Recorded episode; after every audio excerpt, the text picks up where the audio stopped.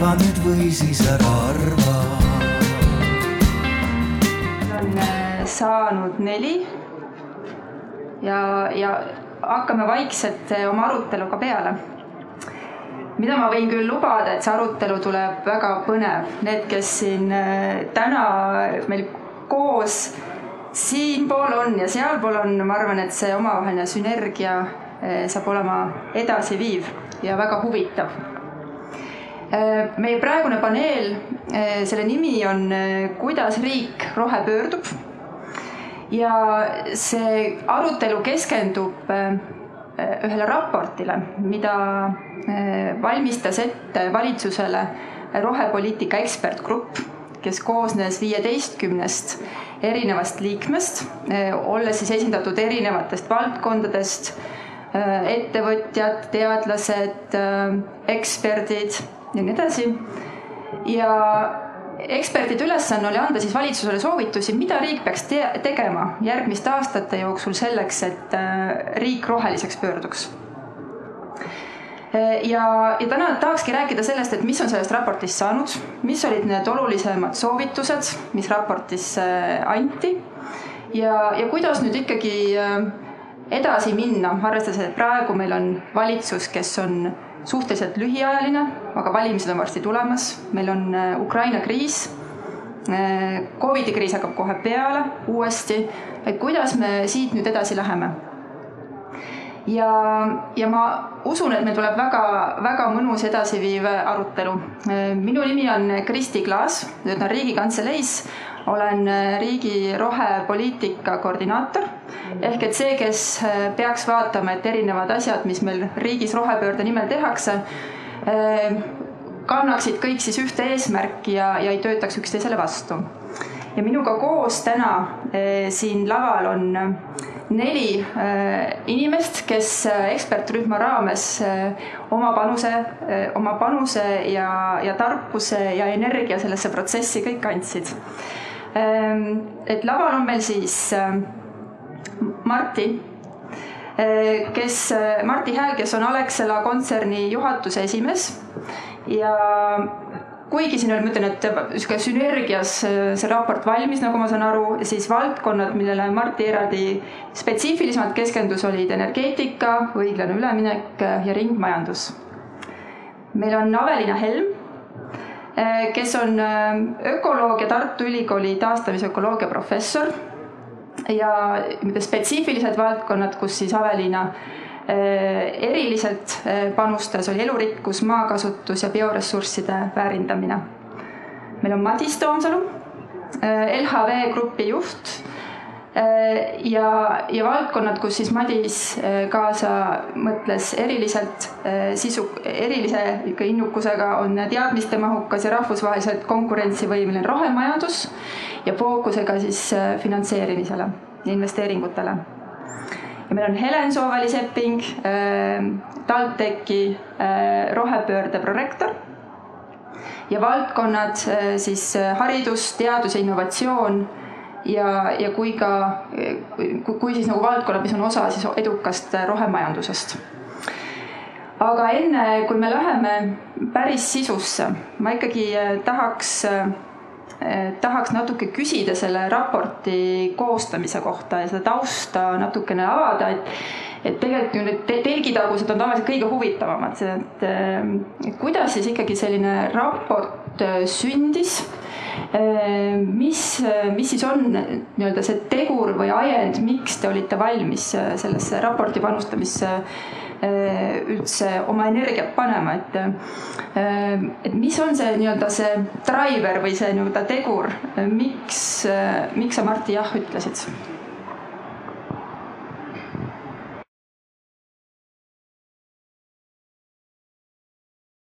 kutsub, siis tuleb teha aga kui sind tavaliselt äh, võib-olla nähakse pigem sellise, ütleme, sa ei ole päris rohelise ega päris pruuni sektori esindaja, oled kuskil vahe, vahepeal, et, et miks rohepööre? no sellepärast, et äh, eks tegelikkuses äh, äh, ma loodan, et juba tänaseks enamus saavad aru, et see on vältimatu selleks, et no ütleme nii, hoida ära see suurem kahju, mis on võimalik hoida ja, ja ja teistpidi on selge nii-öelda ettevõtjana, et sul on kaks võimalust, et kas sa püüad käia sammu ees, mis annab võimaluse eduks või olla edukas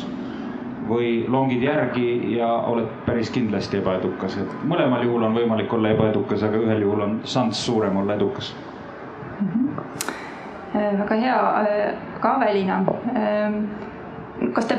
päriselt, kas seal ekspertrühmas jõudsite omavahel konsensusele, et mida valitsusele soovitada või, või, või jäi seal ikka, oli seal ikka nagu selliseid vaidlusi ja eriarvamusi ka? vaidlusi oli palju ja, et äh, aga vaata, raporti ju me tegime, eks. et äh, küllap me ikka mingisugusele konsensusele jõudsime äh,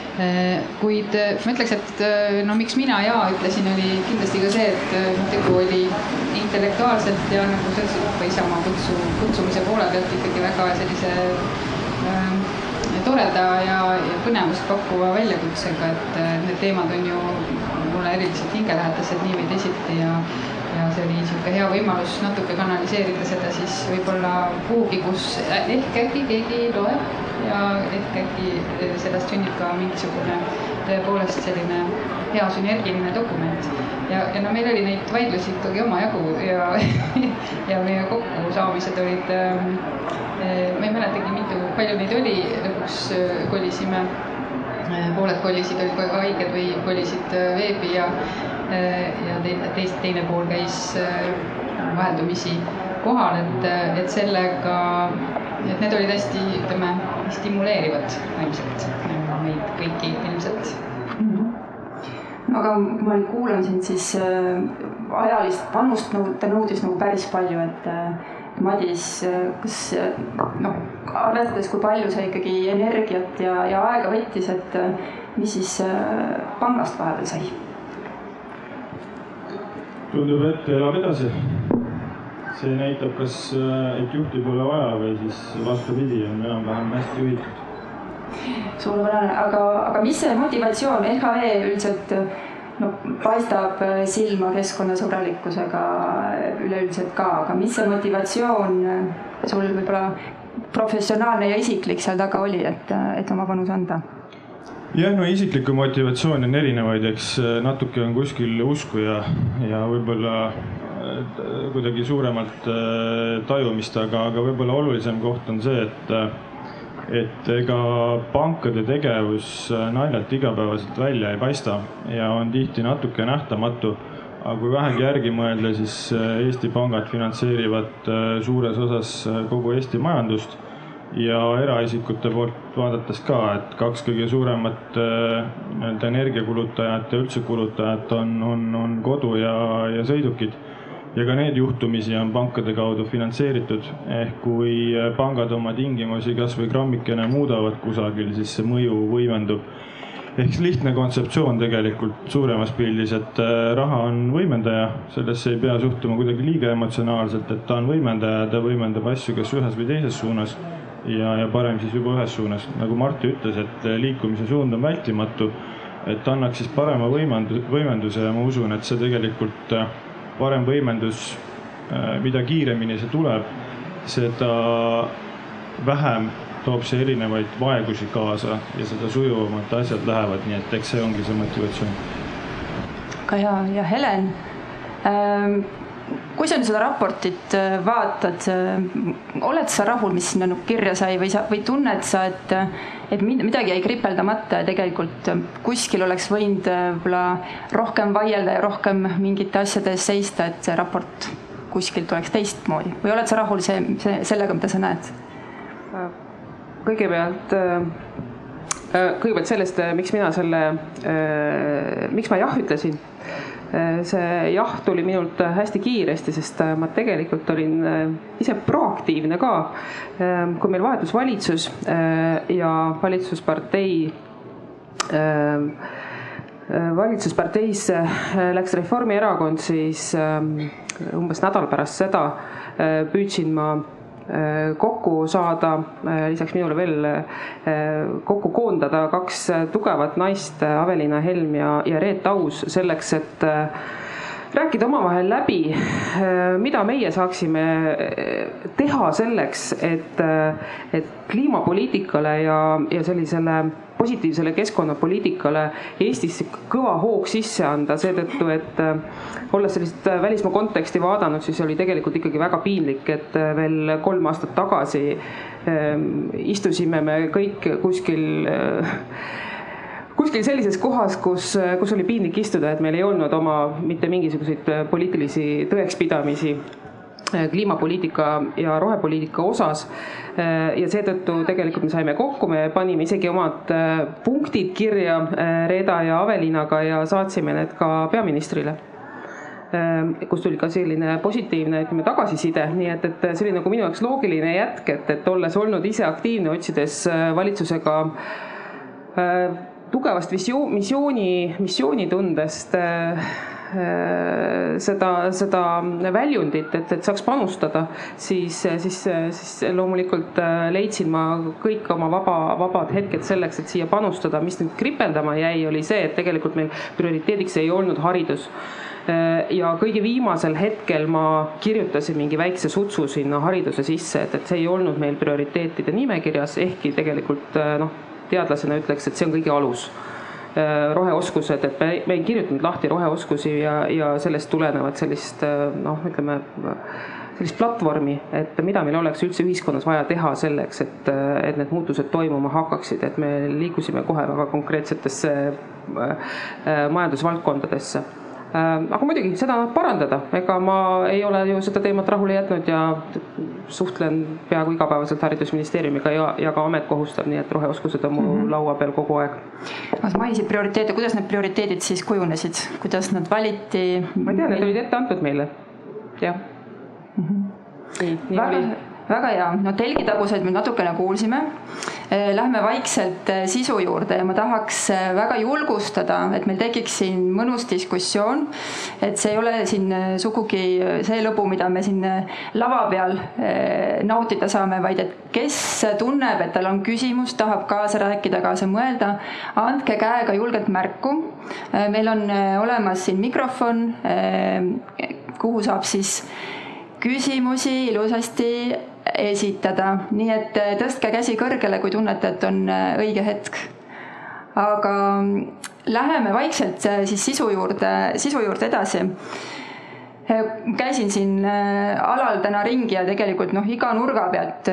kuuled märksõnu, mis rohepöördega seonduvad, et kuskilt kuuled rohepööre, siis kuuled vesinik, siis kuuled energia, siis kuuled veel mingeid märksõnu. et klaariks nüüd alguseks kohe need nagu terminid ära, et, et Aveliina võib-olla äkki ütled nüüd selgelt ja lühidalt, et kas rohepööre ja kliimapoliitika ja energeetika on üks ja sama või kuidas me peaksime seda rohepööret siin kõik ühiselt mõistma selleks, et me saaksime üldse aru, millest me täna räägime mul on jah, aitäh, mul on selline tunne tõesti, et tahetakse hästi palju lihtsustada seda, et mis see rohepööre siis on, et, et, et see on nagu selline väike tehnofiks või väike nihe mingite keskkonnasäästlikumate praktikate suunas. ehk siis, et, et rohepööre on juba see, kui me võib-olla siis vaatame, kuidas kuidas me, ma ei tea, vähem kohvitopse kasutame või kuidas, kuidas me näiteks kodude soojapidavust parandame. aga, aga võib-olla ja, ja siis kogu selle rohepöörde diskussiooni juures ka täna, kui ma olen kuulanud neid eh, diskussioone siin, siis jääb selline tunne, et, eh, et väga, mm, väga palju keskendutakse sellele, et see justkui see rohepööre kukkus kuskilt taevast sooviga Äh, meil nihkuda näiteks ringmajanduse suunas või siis, et äh, meil on nüüd äkki tekkinud soov äh, liikuda taastuvenergia lahenduste poole, sest meile vana kuidagi ei meeldi või noh, ei ole sobilik enam sellesse ajastusse. et kuidagi kaob ära selle rohepöörde tekkimise või vajaduse tegelik ajend või see aluspõhi, mis on ikkagi sündinud suurest äh, ja suurtest väljakutsetest, mis siis inimkonna ees on, äh, kliimakriisist, elurikkuse kriisist. ja, ja vahel me pidime ka seda endale sealsamas äh, ekspertkogus meelde tuletama, et mille üle me vaidleme, et kas me vaidleme mingisuguse või mitte vaidleme, aga millist paketti me siis kokku paneme, et kas me paneme väikest nihet või siis me paneme midagi kokku, mis tõepoolest aitab adresseerida seda, mida on vaja adresseerida. ehk siis, et toimuksid sisulised muutused selles, kuidas me toodame, tarbime, kui palju ressursse me kasutame, kui palju kasvuhoonegaase me õhku heidame ja kui palju me loodust kasutame, ehk siis need muutused peavad lõpuks olema näha, need peavad olema mõõdetavad, nendest peab sündima mingisugune mõõdetav ja tõeliselt tulemust toov tagajärg. et, et seetõttu siis ma ütleks niimoodi, et vastaks su küsimusele lõpuks, et see rohepööre on, on meie suur lai võimalus, uus või suund sellise keskkonna poole, kus me tõepoolest saame pikaajaliselt edasi elada selliste ühiskondade, selliste toimimisviiside poole. Ja ta sisaldab endas päris palju komponente, alates siis energiapöördest, energianihkest või tootmisnihkest, alates sellest, kuidas me tõepoolest loodusega suhestume, milliseid riideid me kanname, kui palju me neid kanname ja, ja, ja, ja, ja kuidas üleüldse me tervet sellist tänast süsteemi adresseerime. ehk siis rohepööre on lai ja selle sees on kõik muud mm. -hmm. ja näiteks üks valdkond, noh, millega siis mina rohkem tegelen, on siis, ongi loodus, loodushoid, teised liigid meie ümber, kogu maailma toimimine selles mõttes, et siin ma julgeks küll öelda, et, et sellises üldises rohepöörde diskussiooni õhinas, et see on kindlasti natukene pigem jäänud nagu tahaplaanile ja, ja vaeslapse ossa, et, et ja, ja, ja konkreetselt see kliima Äh, punkt on võib-olla natukene rohkem esiplaanil, aga, aga seda tasakaalu me kindlasti püüame äh, leida ja edendada loodetavasti ka Eestis paremini. kuulda? Mm -hmm. et siis ähm, rohepöö-, rohepööre on, on midagi sellist, mis püüdleb siis äh, kliimaneutraalse ühiskonna poole äh, nii, et, et meie äh, Äh, meil oleks ka samaväärne heaolu või vähemalt me püüdleme ka siis äh, samaväärse heaolu poole. Äh, ja no ütleme, Euroopa Liidu regulatsioonide kontekstis on siis välja toodud noh, see rohepoliitikas, et, et mis on need prioriteedid, et kuidas me jõuame või mis, mis, mis on need komponendid, mis selle ülemineku Ähm, teistsugusele äh, majandustegevusele äh, viivad, siis selleks kindlasti esiteks on haridus, haridusinnovatsioon, äh, kindlasti on digioskused, IT, siis on prioriteet seesama elurikkus, puhas toit, ringmajandus nullheide, hoonete renoveerimine ja inimese tervis, et tegelikult need on need valdkonnad siis, mis, mis peaksid siis selle, see, sellele üleminekule liikudes olema, olema adresseeritud või millele esmalt tähelepanu pöörata. kui ma siin sama, vabandust korra, Avelina, kui ma kuulan, noh, tegelikult need muudatused on fundamentaalsed, eeldavad aastat, aastakümnete pikkust äh, Äh, panustamist, et äh, miks, äh, Marti, te siis võtsite fookusesse lähiaastad, et tegelikult me räägime ju muudatustest, mis on, vajavad tunduvalt pikema, pikemaajalist panustamist. No selleks, et seda, mis Helen enne ütles, neid kripeldama jäävaid asju oleks võimalikult vähe, noh, sest oli selge, et sellises meetodis, nagu see mm, töö oli korraldatud, eks ju, kus kus äh, põhitegevusega midagi muud tegevad inimesed ühiskondlikul alusel panustavad loetud kuude jooksul, et noh, siis kogu maailma ei ole võimalik ära muuta. järelikult oli vaja teha mingid valikud ja, ja noh, selge, et siis noh, nii-öelda valiku tegemisel mindi natukene võib-olla,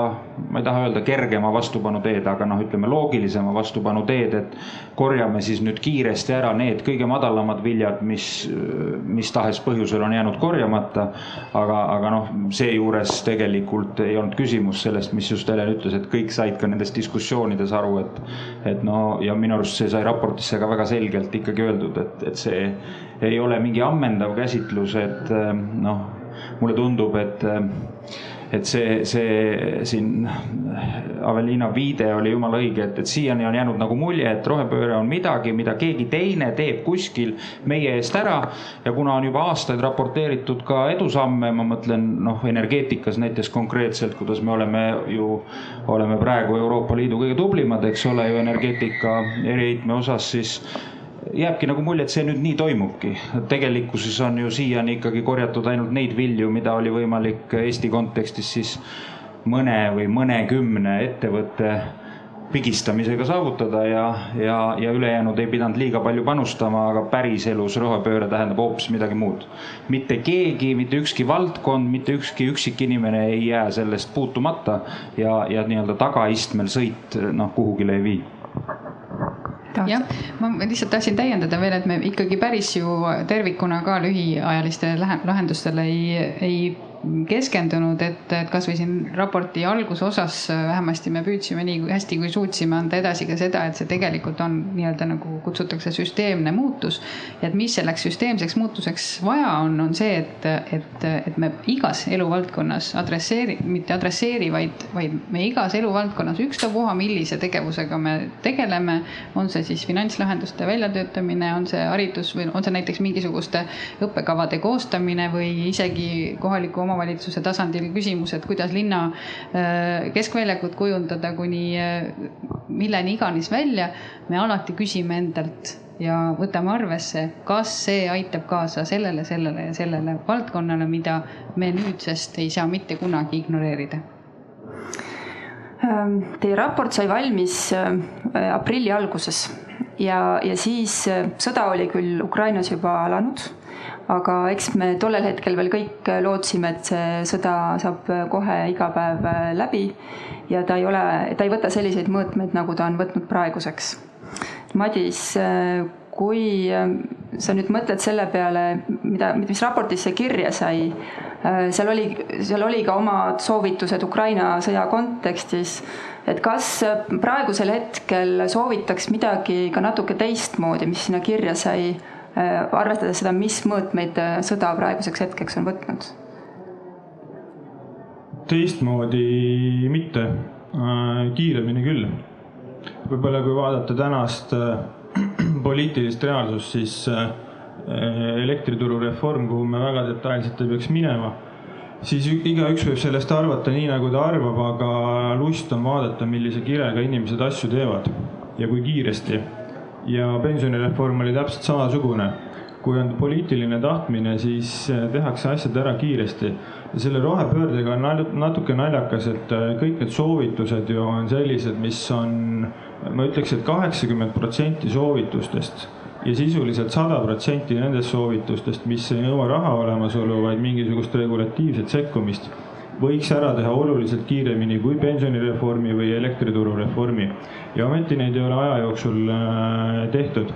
ehk ainuke nagu kindel soovitus on see, et äh, tegutseda ja tegutseda kirega ja see sõda on toonud selle selles suhtes esile, et äh, teine asi, mis ka sõja kontekstis aetakse nüüd osaliselt rohepöörde süüks, on inflatsioon ehk hinnatõus et ma hommikul, kui ma tulema hakkasin, siis ma just vaatasin, et eh, kui palju siis Eesti inimesed eh, see aasta mingites valdkondades rohkem maksma hakkavad. ja tulemus oli umbes selline, et toit läheb kallimaks nelisada miljonit, elekter nelisada miljonit, kütus umbes kolmsada miljonit küte ka umbes kolmsada miljonit, laenuintressimäärad äh, sada miljonit. Need viis komponenti on äh, kõige suuremad äh, eraisiku kulukomponendid ja moodustavad eraisiku väljaminekutest umbes üheksakümmend protsenti nüüd iroonia on selles, et osaliselt pannakse selle rohepöörde arvele, aga tegelikult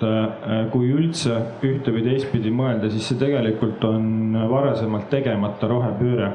et praegu need välised tegurid pigem on sõda ja Euroopa Keskpanga varasem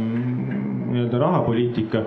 rohepöördega ei ole siin mingit pistmist, kui üldse, siis vastupidi täpselt, et äh, kus need kümme aastat on kõik need investeeringud ja planeeringud olnud ja kui need oleks äh, samasuguse kirega nagu elektrituru reformi praegu ära tehtud, siis meil äh, osaliselt neid probleeme ei oleks või oleks, aga nad oleksid palju vähendatud mahus nii et ma üksikuid soovitusi sealt välja ei nopiks, et seal on igas valdkonnas äh, üksjagu neid, aga ma jah, jaotaks nad kaheks, et ühed on need, mis on regulatsioonidega muudetavad ja teised on need, mis nõuavad äh, raha ka, aga kõigi kohta kehtib äh, lihtsalt üks soovitus, et palju kirge ja palju tegutsemist, ega muidu need seal teoks ei saa. okei okay,, aga kui nüüd, kui mõelda praegu olemasoleva valitsuse peale, et mis, mis siis on need üks, kaks, kolm asja, mida siin kiiresti lähimate kuude jooksul ikkagi selle suure rohepöörde nimel annab ära teha, nii et sellest ikkagi siis järgmised valitsused ka kasu saavad. kui sa, kui sa, kui sa tõesti niimoodi välja hakkad noppima, siis ma võib-olla lihtsalt omast valdkonnast on ilmselt natukene lihtsam rääkida, kui, kui kogu raporti peale kokku noppida, et ma rahanduse osas tegin kodutöö siia sõites ära, et, et peaministri, peaministri erakonnast endine minister, kes küll täna uues valitsuses ei ole, aga, aga, aga sai kontrollitud, et rahanduses on seal mõned ettepanekud, mis puudutavad seda, et kuidas investeeringuid võimendada et üldiselt kipub olema selline reegel, et kui riik lööb, loob mingisugust keskkonda, natukene sinna sisse investeerib, siis tegelikult see investeering võimendub päris palju. Ja hea näide on siin KredEx ja ühed suuremad soovitused olid seal KredExi kapitaliseerimine ja suurtele ettevõtetele selline käendusmeetmete loomine. loogika on selles, et kui KredExit umbes saja miljoniga kapitaliseerida, siis KredEx saab käendada selle abil laenusid. laenude väljastamisel nõutakse ettevõtete omafinantseeringut ja sada miljonit KredExit võimendub majanduses umbes üheks miljardiks, natuke ümardades ja need, äh, see otsus on kabinetis näiteks tehtud, aga konkreetne rahasumma, mida eraldada, tuleb eelarvestrateegiaga. ja teine asi on, et äh, siiamaani näiteks äh, suurettevõtetele sellised toetus- ja käendusmeetmed, toetusmeede Eestis üldse puudus. üks väheseid Euroopa riigi, Euroopa Liidu riike, kes tegelikult ei toeta suurinvesteeringuid ettevõtetel ja nali on selles, et kapitali vaba liikumine, aga tegelikult isegi Saksamaad ja asjad toetavad seda suhteliselt suures summas. ja käendustega samamoodi, et kui väikeettevõtetel oli viis miljonit, siis suurettevõtetele poolteist miljonit. kui mõelda rohepöörde kontekstis, siis tegelikult suurem osa mõju just läbi rahalise võimenduse konteksti tuleb suurettevõtete kaudu kes investeerivad suuremalt, mõjutavad rohkem. ja ka see otsus on täna kabinetis tehtud, et seda limiiti pooleteist miljoni pealt tõsta kümne miljonini ja see on väga oluline vahe, aga jälle need peavad jõudma siis lõplikesse otsustesse ka. nii et finantseerimise valdkonnas vähemalt asjad liiguvad ja, ja seda võeti sealt algusest peale tõsiselt ka, nii et äh, üks soovitus sellega lõpuni minna on olemas, aga tundub, et asjad liiguvad väga hea, äh, ma näen, et käed tõusevad väga hästi, kus meil on äh, mikrofon? siin ees, eespool esimene küsimus. tervist Te mainisite innovatsiooni, on ju, innovatsiooniga kaasnevad riskid, et kas teie raportis tuli välja ka see, et millal riik on valmis võtma neid riske? ma toon näiteks näite, et äh, kaheksakümmend protsenti kusagil meie riigi kõiksugustest infrastruktuuridest kuulub riigile ja riik jätkuvalt ehitab neid nii-öelda mittesäästlikult, mitte taaskasutavalt, kulukalt, kulutades CO2, avades uusi karjääre ja nii edasi. ja täna ta paneb kõik innovatsiooniriskid nii-öelda töövõtja kanda. aga ta ei ole nõus ise ühtegi riski võtma. et innovatsiooni saab näiteks mingites valdkonnas teha ainult siis, kui keegi võtabki vastu otsuse, okei okay,, riskime, ehitame siit, ma ei tea, viiskümmend kilomeetrit, sada kilomeetrit näiteks keskkonnasõbralikku teed on ju ja riik riskib. kas see tuli ka kuidagi teie raportist välja, et kas riik on valmis riskima rohepöörde nimel? nii, kes, kes tunneb, et tahab vastata? No ma võin alustada. Ehm, no tuli mitmel erineval moel tegelikult, ehm, osaliselt ehm, Madis juba alustas, eks ole ju, tuli välja sellel moel, et nii-öelda see tegemata rohepööre, millele Madis viitas, see on ju põhimõtteliselt tegemata investeering, sealhulgas innovatsiooni. ja miks see on tegemata, noh, sellel on ka palju põhjuseid, aga muuhulgas on see, et see ei ole nii-öelda finantseeritav ja, ja, ja meenutan siin Äh, Stockholmi Keskkonnainstituudi hinnangut, äh, mille Riigikantselei minu mälu järgi tellis lausa, et äh, palju peaks invest-, kliimaneutraalse Eesti jaoks investeeringuid tegema ja number oli kokku seitseteist miljardit, millest kaksteist koma seitse erasektor mis tähendaks põhimõtteliselt seda, et vaadates siin neid eesmärke, siis noh, rohkem kui miljardi peaks iga aasta rohepöördesse erasektor investeerima. no siis on aru saada, et needsamad üks koma viis miljonit või kümme miljonit, noh, need tegelikult ei küündi ligilähedalegi sellele vajadusele ja, ja, ja noh, see nüüd konkreetselt, mis oli näiteks siin teede ja selles osas, noh siis ma ei ole õige inimene, Marek oli see Rannala, kes ja, ja Tõnis Harjus, kes selle, sellega võib-olla nii-öelda ekspertiisi mõttes põhiliselt panustasid, aga noh, see tuli nagu üheselt välja, et, et maksumaksja raha kõvasti panna, aga, aga innovatsiooni tegelikult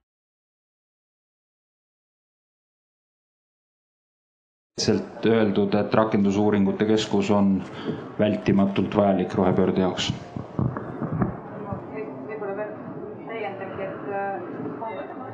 Martin Kirp. ma olin välja lülitanud tegelikult ja ma võib-olla täiendan, et äh, lihtsalt mõlemad siin, mis Madis ja,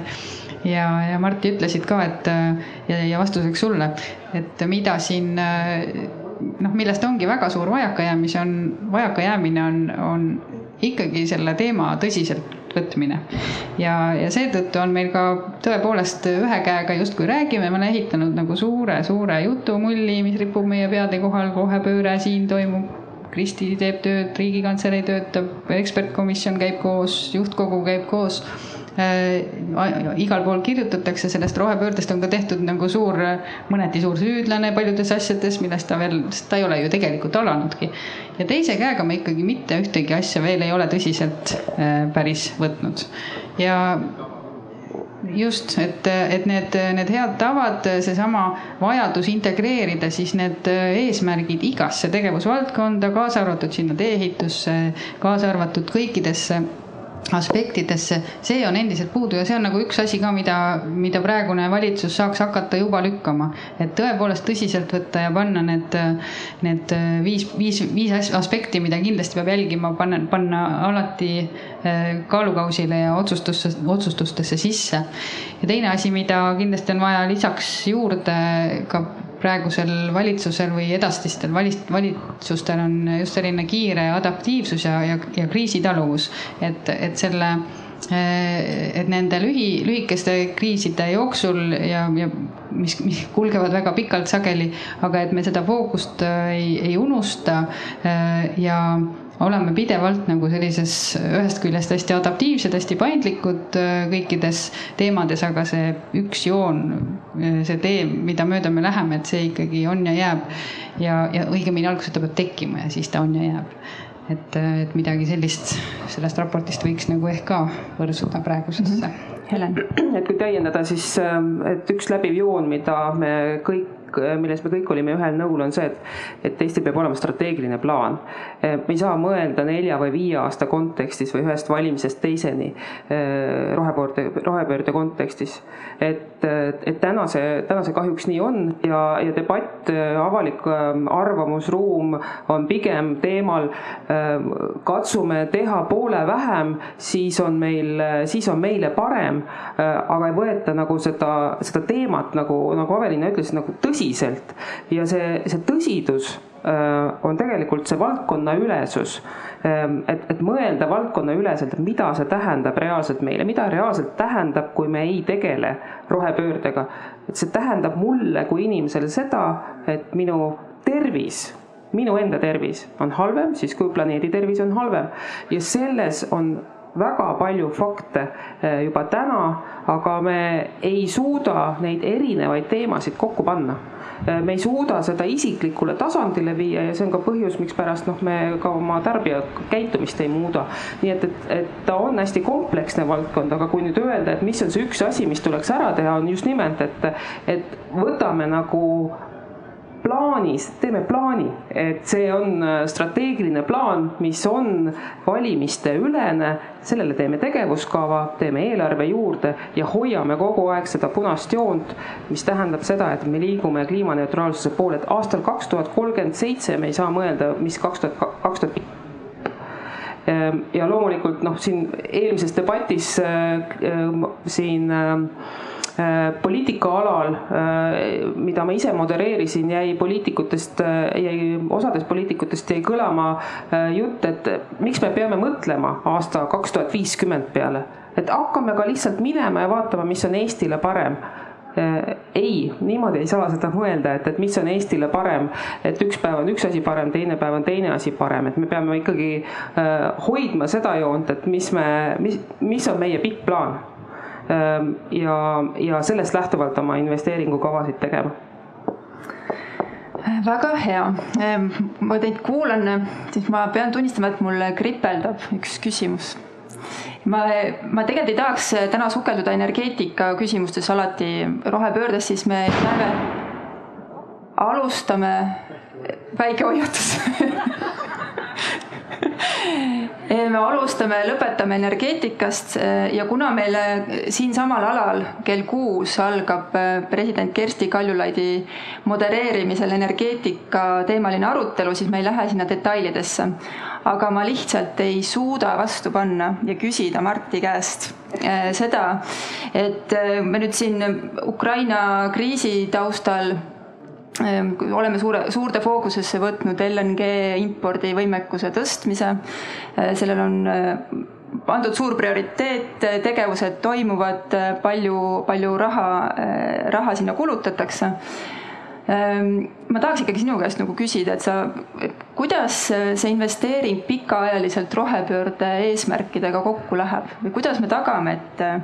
et, et see ei jäägi lahenduseks, millega me oleme rahul ja me midagi muud selle asemel ei, ei arenda või kasutusele ei võta? ma kartsin, et see küsimus tuleb ähm ei, ma seda ei karda Eesti kontekstis kohe üldse mitte ja ma arvan, et ka meie regiooni mõttes, et noh, Saksamaal näiteks on see probleem, millele sa viitad, selline nii-öelda lock-in'i tüüpi probleem väga suur, eks ole ju. miks see ei ole meil probleem, ma mõtlen Eestis ja ei ole ka regioonis probleem, on see, et tegelikult me maagaasist nagu baaskoormuse kütusena oleme noh, ütleme nii, väga kaugel selles väljumises, et, et loomulikult palju kodusid nelikümmend tuhat kodu on veel selle peal ja nii edasi, aga, aga ma arvan, et äh, kui elektrituru reform ei laiene gaasituru reformile, siis vähemalt äh, gaasiga kütjad mõtlevad praeguse gaasi hinna juures äh, keskkonnasõbralikumate alternatiivide peale, et elektri poole peal ei pea enam targa juhtimise peale mõtlema, sest hind on üks kõigil tundidel ja kuluta palju tahad. et rohepööre on, on, muutub sellega noh, nii-öelda mitte nii nutikaks, ütleme siis nii aga, aga miks ma ei arva, et või miks ma selle, selle mm, LNG vastuvõtuvõimekuse osas ikkagi olen nagu optimistlik, on, on see, et gaasiline kütus taastuva sõbrana siis ütleme seal, kus salvestus ka enam ei aita, on kõige odavam ja kõige lihtsam viis, kuidas kompenseerida Äh, kompenseerida neid tiputunde, mis meie kliimavööndis on, on vältimatud.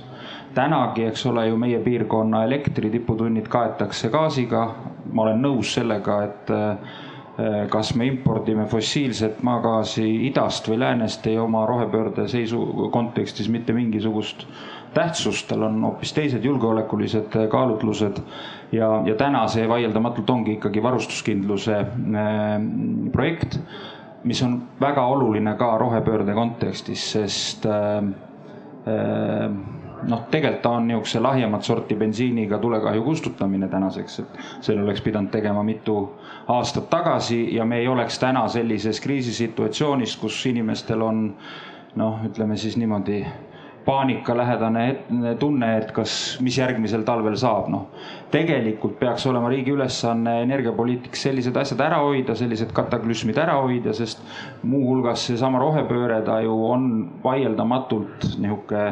uduste prillidega äh, tulevikku vaatamine, mida rohkem on sellist ebaselgust, ebakindlust ja nii edasi, seda keerulisemalt kõik need protsessid Äh, mis on rohepöördeks vajalikud, nende elluviimine toimub, aga, aga nagu ma ütlesin, gaasilised kütused, äh, nende dekarboniseerimine Eestis liigub, ma ütleks, mõõdukas, aga siiski väga selges tempos. jäätmetest biometaani toodetakse, vesinikuplaanidest räägiti siin eelmisel kahel tunnil ka ka teadlaste paneelis, ühesõnaga taastuvaid gaase, ma arvan, et läheb eh, meil vaja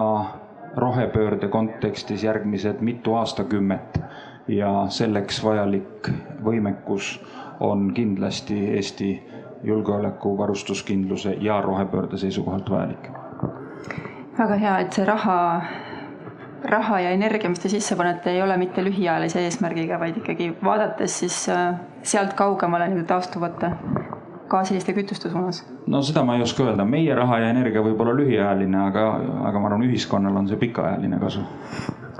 Väga hea. Ja et ma tei-, mul on teine energeetika küsimus veel, kellel veel on mingi energeetika küsimus, andke märku, et äh, võimalus ära küsida. ma küsin ühe ikkagi veel. Ehm, suur nii-öelda takistus ikkagi, miks meil taastuvenergiaparke hetkel äh, ei teki nii kiiresti, kui võiks. üks on siis see, et lihtsalt kogu see menetlus võtab äh, meeletult kaua aega, et niisuguse keskmise Äh, maismaa tuulepargi äh, püstipanek võtab aega kuskil viisteist aastat, ütleme, kui kõik need menetluslikud äh, etapid läbi teha, et et kuidas, kuidas nüüd ikkagi jõuda selleni, et, et need pargid saada püsti kolme aastaga, et mis siin ka Euroopa Liit on eesmärgiks seadnud, seadnud siis teatud aladel oleks see nii-öelda menetlus tunduvalt, tunduvalt kiirem, et mis me selleks tegema peame? Martti ma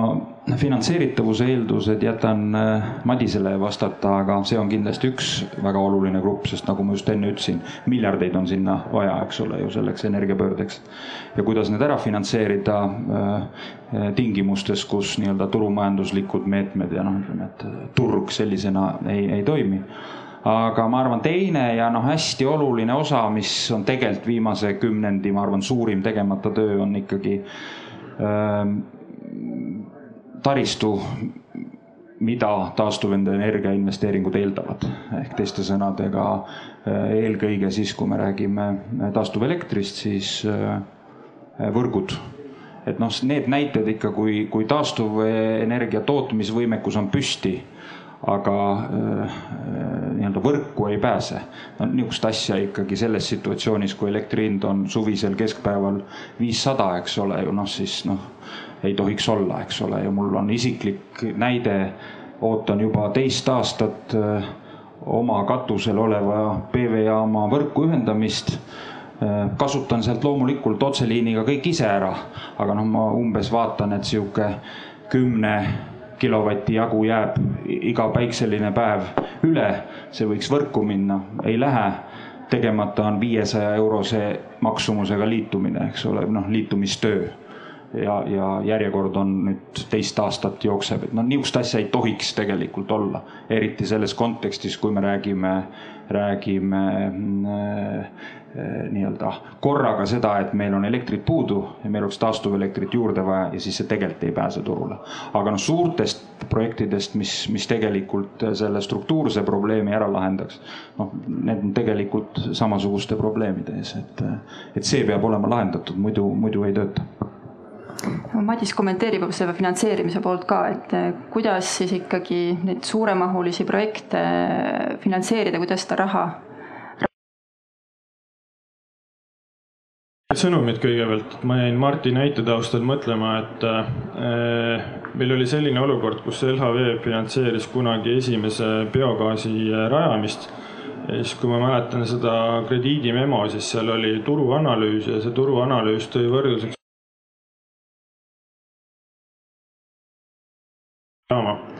ja, ja, ja siis me ootasime number kahte Eestisse. Äh, ootasime põhimõtteliselt järgmised mingisugune, ma ei mäleta, kolm, neli või viis aastat. täna neid on natukene rohkem, aga sisuliselt ikkagi. näide on siis, äh, teine näide on äh, päikseparkidest, kus, kus siis kunagi oli diskussioon, et kas on kobarpark või ei ole kobarpark ja jällegi, olles pangana kõige suurem päikseparkide ja biogaasijaamade finantseerija Eestis, siis näiteks meil oli probleem, et me kirjutasime majandusministeeriumisse, et kumb siis on, sest finantseerija võtab mingit sorti nagu riski, kui asjad pärast ümber teha. millega me arvestasime, kuni siis me lehest lugesime kaks nädalat hiljem teistsugust vastust ja kuna segadus püsis rohkem kui pool aastat, siis pool aastat me neid parke ei finantseerinud. ja see on jälle näide, kus asjad äh, seisid ja nende parkidega on täpselt samasugune asi, et, et äh, igasugused liitumised ja asjad võtavad jälle aega. ja see kõik on ressurss, mis tegelikult seisab, võiks nagu tööle olla, okei okay,, noh, suures nagu energia tootmises on see võib-olla täna piisavalt väike osa, ei ole veel märgatav, aga see on põhimõtteline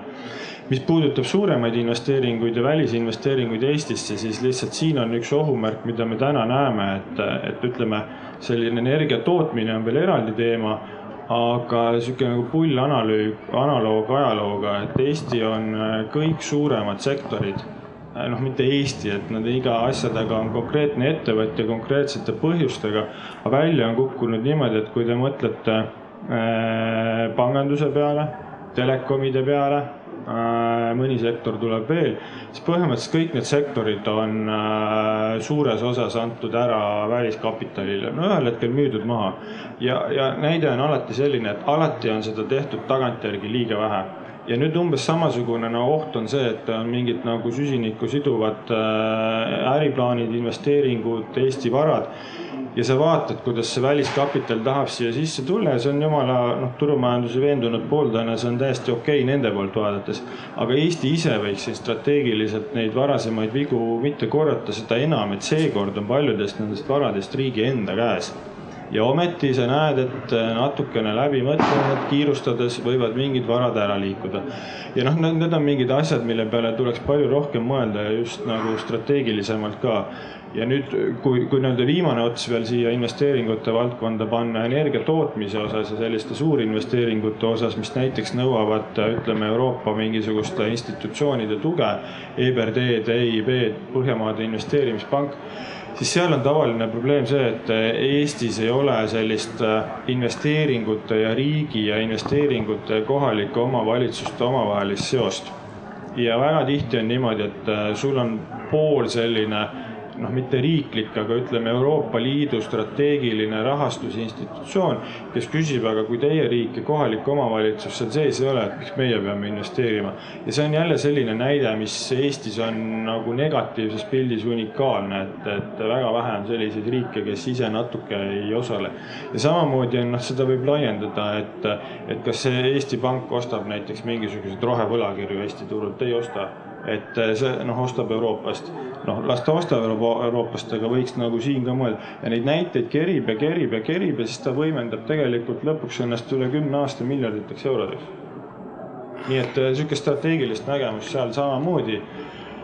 kusjuures enamus nendest asjadest ei nõua mingisugust megapoliitilist konsensust, vaid lihtsalt äh, tugevat ministeeriumit, kes teeb äh, otsused ära ja käib valitsusest läbi ja need on tehtud ja sõnumid on antud. ehk väga suur osa on sümbolites ja sõnumite andmises, mitte ametirahas mm. -hmm. Marti. ei tea, mis paugud need küll seal on. teine hoiatus see oli kolmas juba. Ehm, äh, tahtsin tuua selle äh, kiire, äh, kiire muutuse vajaduse ja selle, selle lahenduse teema sisse sisse ka tegelikult meie avalikkuse ja avaliku aruteluruumi, sest ähm, nüüd, kus on intensiivistunud see arusaam, et, et me peame kiirelt järgi võtma ja tegema tuuleparke, siis, ähm, siis on näha, et, et aruteluruum ütleb kogukondade näol, et äh, me ei soovi neid parke siia ja, ja äh, küsimus on selles, et, et kogukonnad kannatavad,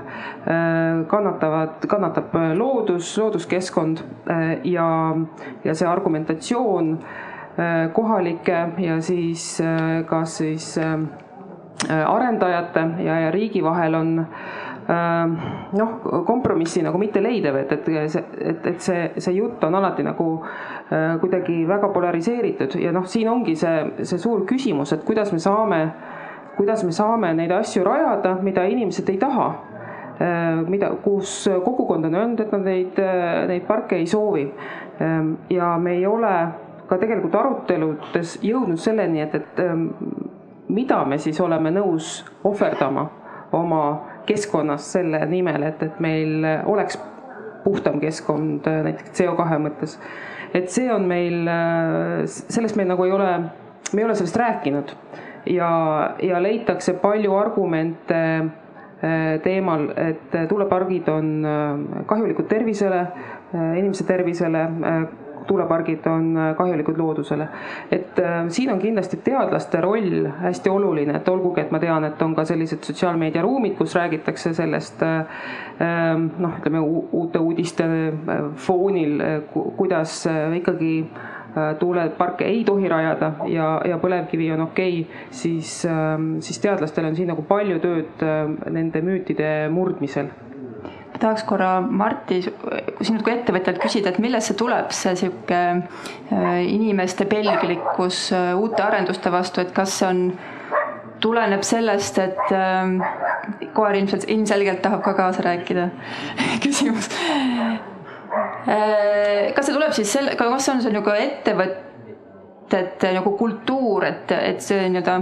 inimesed on saanud haiget, et sõidetakse inimeste arvamusest üle. või, või on meil puudu sellest nii-öelda kogukondlikust initsiatiivist ja nagu soovist ühiselt midagi ära teha või kuhu see nagu kinni jääb, selline mitte minu tagahoovi ehitamise vastu, noh nii-öelda vastuolu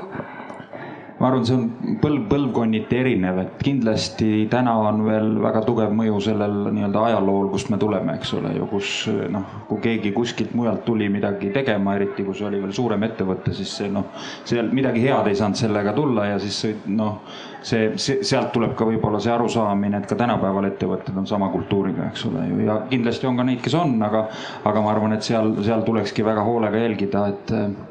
et, et milline see kultuur siis ikkagi tegelikult on, aga, aga mulle tundub, et teine nagu ja väga oluline pool, mis mind ausalt öeldes murelikuks teeb, sest ma olen mitmeid näiteid kuulnud selle kohta, et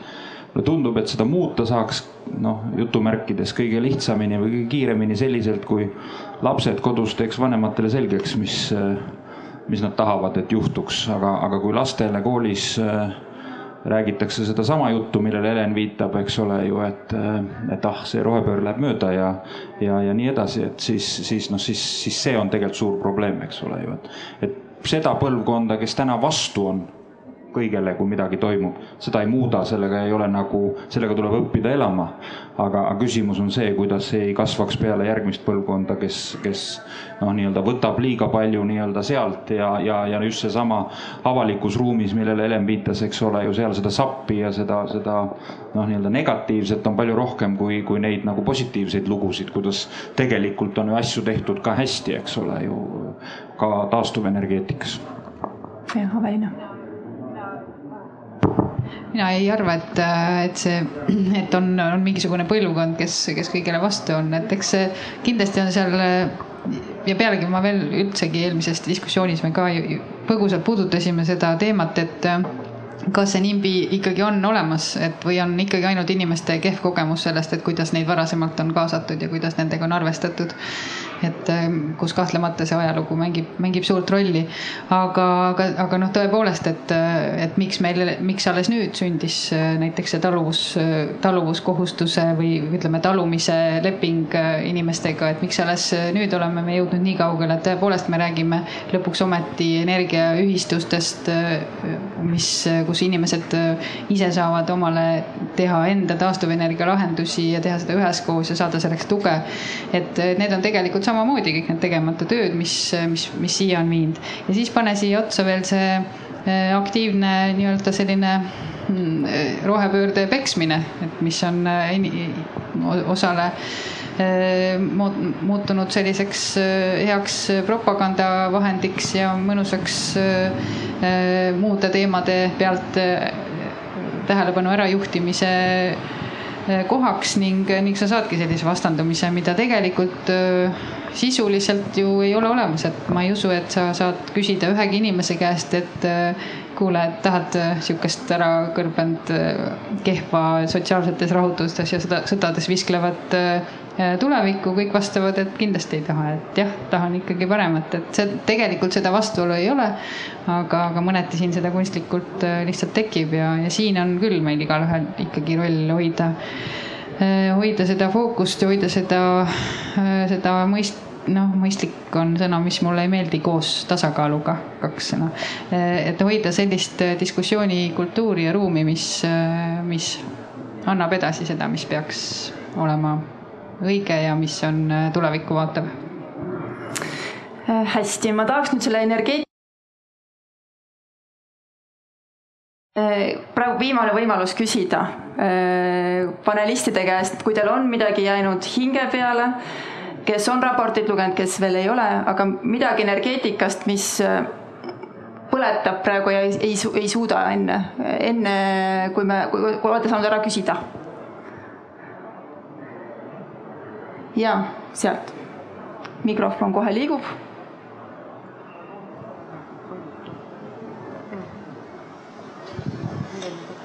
tere, Martti Jeltsov Fermi Energiast ja KBFist. mul on selline küsimus, et äh, ma vaatasin põgusalt seda rohepoliitika raportit ja, ja esimese asjana, ma taustalt tuumaenergeetik, eks ju, võite aru saada.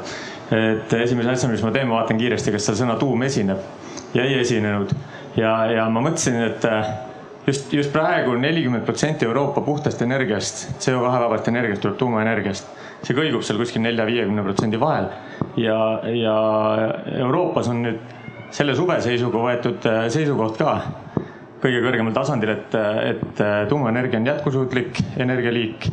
võrdväärne sisuliselt päikese ja, ja tuulega. et miks see meie poliitikates isegi võimalusena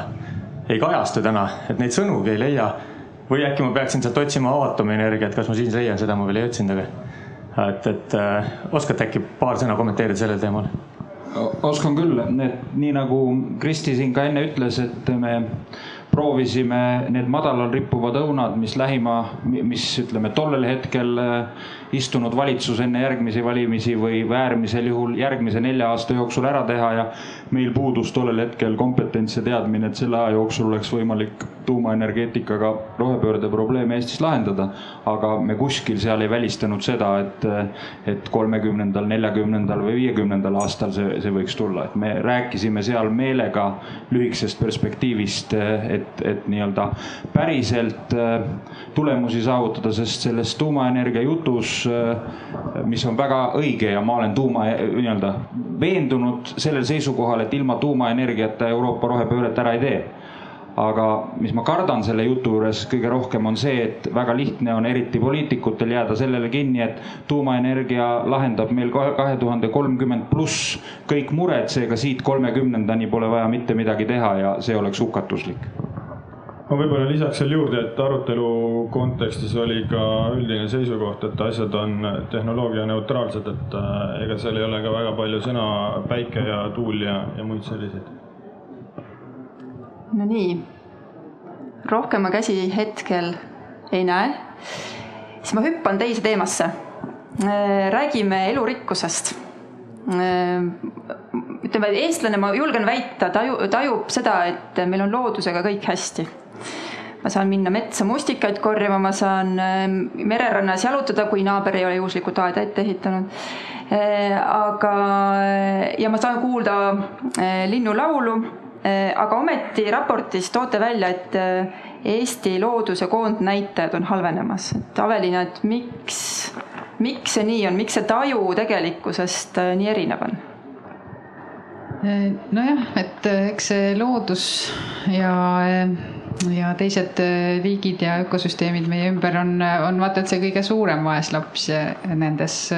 diskussioonides olnud äh, üleüldse rohepöörde kontekstis ka, et kui ka globaalselt või Euroopa mastaabis ikka suur äh, aur läheb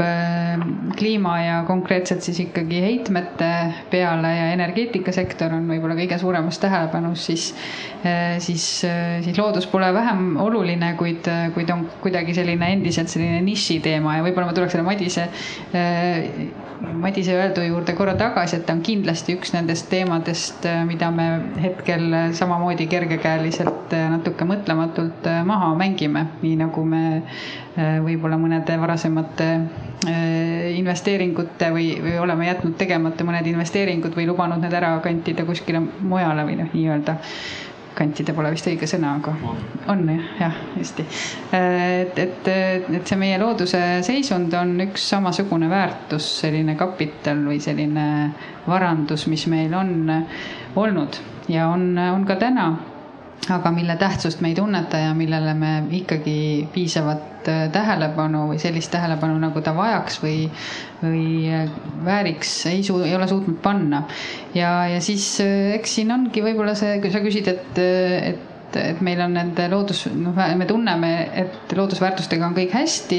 ja, ja mõneti on seegi selline ajalooline taak, et me oleme uinutatud nendesse kaunitesse eh, loodusvaadetesse ja, ja meie varasemasse looduskultuuri, kõik need ilusad loodusfilmid ja, ja, ja meie enda e-, enesenägemine suure loodusrahvana, et et siis äh, selle käigus me oleme ennast uinutanud olukorda, kus me tegelikult tõepoolest äh, väljaspool kaitsealasid, kaitstavaid alasid Eesti looduse seisund on, on muutumas üsna sarnaseks tavapärase Lääne-Euroopa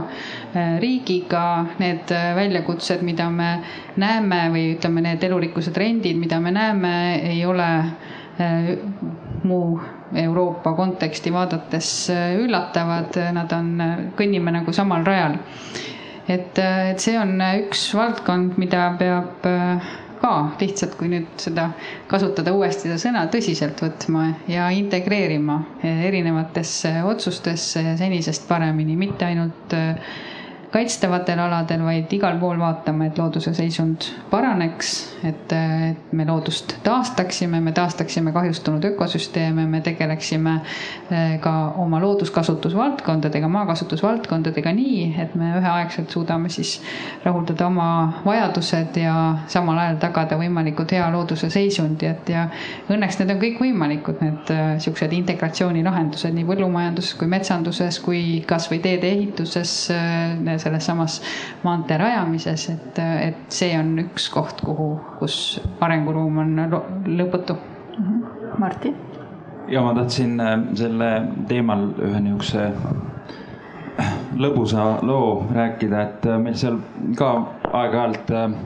mõtleme oma ettevõttes niisugusi noh, programme välja, millel võib-olla otseselt äriga midagi seost ei ole, aga, aga üks oli puude istutamise kogukonna programm ja ma ei hakka siin nimesid nimetama, aga mitmetelt asjatundjatelt ja teadlatelt saime selle eest natuke nahutada. Aga, aga ja noh, põhjusega selles mõttes, et, et seal see, miks ma seda juttu räägin, ongi see, et, et see dilemma seisneb ju nagu teadlikkuses ehk noh, meie mõte seisnes selles, et äh, paneks inimese mõtlema, et iga kilomeeter, mis ta sisepõlemismootoriga sõidab, et sellel on mingisugune füüsiline väljendus looduses, sest inimene tavaliselt ei mõtle selle peale. see mõte ei olnud mitte see, et sellega saaks kuidagi neutraliseerida või, või nii-öelda teha olematuks selle kilomeetri, aga lihtsalt, et see seos inimese peas tekkis. aga kuna me selle eest saime pahandada natukene just eriti sellest elurikkuse kontekstis, siis äh, me tulime mõnda aega tagasi välja järgmise kampaania kampaaniaga, mille nimi on Putukate Drive-in. Ja see seisneb selles, et me nagu täiesti teadlikult kõigile nii-öelda tankla klientidele näitame, et me tankla ümber ei niida, eks ole, või õigemini niidame ühe korra pärast seda, kui, kui õitsemise periood on läbi, eks ja selle tulemus oli see, et me saime jälle pahandada, aga seekord mitte teadlaste käest. me saime trahvi kohalikult omavalitsuselt heakorra nõuete mittetäitmise pärast. aga ma arvan, et need on selles mõttes, miks ma seda räägin, on just, et need on nagu head näited, et tegelikult see, millest sa, Aveliina, räägid, see on tegelikult nagu laiemale üldsusele teadlikkuse puudumine ja, ja need sõnumid äh, peavad olema sellise madala abstraktsiooni tasemel. ma just siin eelmine arutelu siin kõrval, kus oli Tallinna Tehnikaülikooli teadlased rääkisid energiasõltuvusest või sõltumatusest, võimalikkusest Eestis. mulle just meeldis see, et nad olid toonud selle niisuguse üheksa klassi tasemel, et me kõik seal auditooriumis äh, saime aru, millest teadlased rääkisid, et mulle tundub, et see on nagu hästi-hästi oluline, sealhulgas selles elurikkuse kontekstis, sest kui sa lähed ilmselt tänavale ja küsid, et milles on Eestis elurikkuse probleem, siis noh, raske on ilmselt leida inimest, kes vastu tulles sulle tegelikult seda, seda suudab noh, nii-öelda vastata tahaks ka ilmselt hirmsasti kommenteerida, et eh, siin Aveliina tõi välja ühe väga olulise faktori eh, Eesti osas, et see meie enesekuvand eh,, loodusrahvas, mida on alates Lennart Merist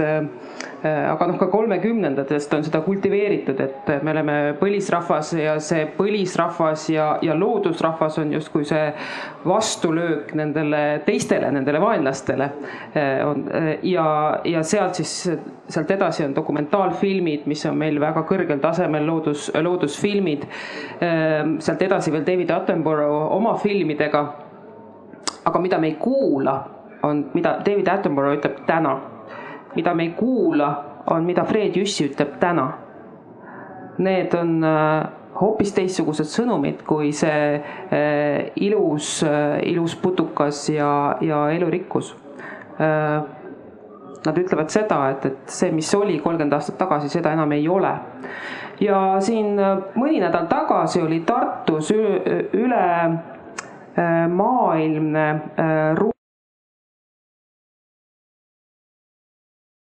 konverents, ähm, kus äh, räägiti ähm,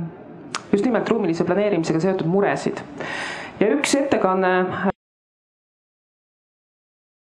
kümne aasta jooksul on äh, Hollandis äh, vabandust, viimase kolmekümne aasta jooksul on Hollandis seitsekümmend viis protsenti putukate liigist, liikidest kadunud, seitsekümmend viis protsenti ja viiskümmend protsenti teistest maapiirkonnas elavatest liikidest on kadunud. samad numbrid tulevad Saksamaalt, ega me ei tea neid numbreid, mis meil on Eestis, me teame ainult seda, et, et meil on, äh, meil on äh, ilmselt analoogsed numbrid, äh, võib-olla isegi natuke kehvemad numbrid. aga need on muljetavaldavad numbrid, et mis me, mis me teinud oleme oma elurikkusega, ehkki meil on tunne, et me, kuna meid on nii vähe, siis me, meil pruugib sõita, ütleme, kas viis minutit või kakskümmend minutit autoga ja me nii-öelda olemegi looduses. aga, aga loodus ei ole elurikkus, et, et siin on nagu väga palju vaja teha selgitustööd meil, et esiteks, miks meil on elurikkust vaja, teiseks mis juhtub siis, kui elurikkus kaob, et, et see keskkonnareostus, kliimamuutus ja tervis on kolm asja ühes et, et, et vot need teemad, kui nad nagu meil selgeks saavad, et see elurikkus on meile endale tähtis ja me peame ise midagi selle, selle nimel nagu pingutama, nii nagu hollandlased ütlesid. Eh, hollandlased, kui näevad probleemi, siis nad teevad plaani ja nemad teevad oma strateegia ja tegevuskava ja hoiavad sellest muuseas ka kinni. nii nagu nad seda ütlesid, et siis, siis nemad võtavad väga tõsiselt seda, neid numbreid, mis, mis neil on ette juhtunud, hoolimata sellest, et põllumehed põllumehed on tänavatel ja, ja protestivad. et, äh, et jällegi, et siin on nagu see fookuse hoidmine ja, ja probleemi, probleemi tunnistamine, et sellest algab ju tegelikult äh, meie paranemise tee, kui, kui me seda probleemi enda jaoks tunnistame, kui me seda ei me nagu seda enda jaoks probleemiks ei pea, et ongi parem, et neid, neid sääski siin on vähem ja äh, ja, ja autod on seetõttu puhtamad, kui et putukaid ei ole seal esikilbi peal, et siis, äh, siis kahjuks, kahjuks midagi ei muutu. Madis tundub, et jah, elurikkus on selline teema, mis on kõigile natukene isiklik, et mul tuli ka, et äh, mul on maakoht on Sagadis ja siis mul on seal kuuskümmend erinevat liiki puid ja põõsaid ja Rästa all on kolm pääsukesepesa ja eelmine sügis juhtus niimoodi, et äh, ühel hetkel oli toas kuus vapsikut. ma pean küll tunnistama, et sellel hetkel elurikkus natukene vähenes, et äh, väike poiss oli kõrval, aga, aga jätame siis selle omavahele et on elus valesid valikuid ka tehtud võib-olla, aga miks ma sellest räägin, on see, et ma olin ka siis üks nendest, kes äh, luges lehest, et siis minu poolt vaadates Äh, pooleteist kilomeetri kaugusele tahetakse haljalasse karjääri teha. ja siis sa pead ka ennast analüüsima, et kui palju sa oled see nagu nimbi ja et noh, mitte põhimõtteliselt olla vastu ja, aga no siis sa loed ja ja vaatad, et seal on täpselt sama asi, et noh, Natura saab pihta ja, ja siis rohekoridor, mis sealt äh, loomadele, lindudele läheb, äh, saab pihta ja sealt on üle, on rändekoridor üldse. ja siis noh, okei okay,, on ju, aga miks ma sellest räägin, on sihuke nagu põnev analoog, et kehtib tihti nagu inimeste ja situatsioonide ja, ja isegi krediidikomitees krediidimemode kohta. et mõnikord on nii, et kui on nähtavad mõni nagu üks või kaks väikest viga, siis see tundub hästi hull. keegi murrab siit selle lible nagu ära. aga kui on nagu mingid süsteemsed suured asjad, siis need lähevad nii jõuga, nii hooga ja see kuidagi on nagu tagaplaanil ja märkamatult, et see proportsioonidel mitte vahet tegemine ja nagu väikeste asjade tähtsustamine, samal ajal kui suured on, lähevad nagu hooga edasi. et see on sihuke naljaka psühholoogiline nagu error, mis erinevates kohtades nagu välja lööb ja ma arvan, et elurikkuse puhul on see täpselt sama asi, et, et kui see delfiin satub telekasse, siis on hull lugu, aga, aga samal ajal ja, ja noh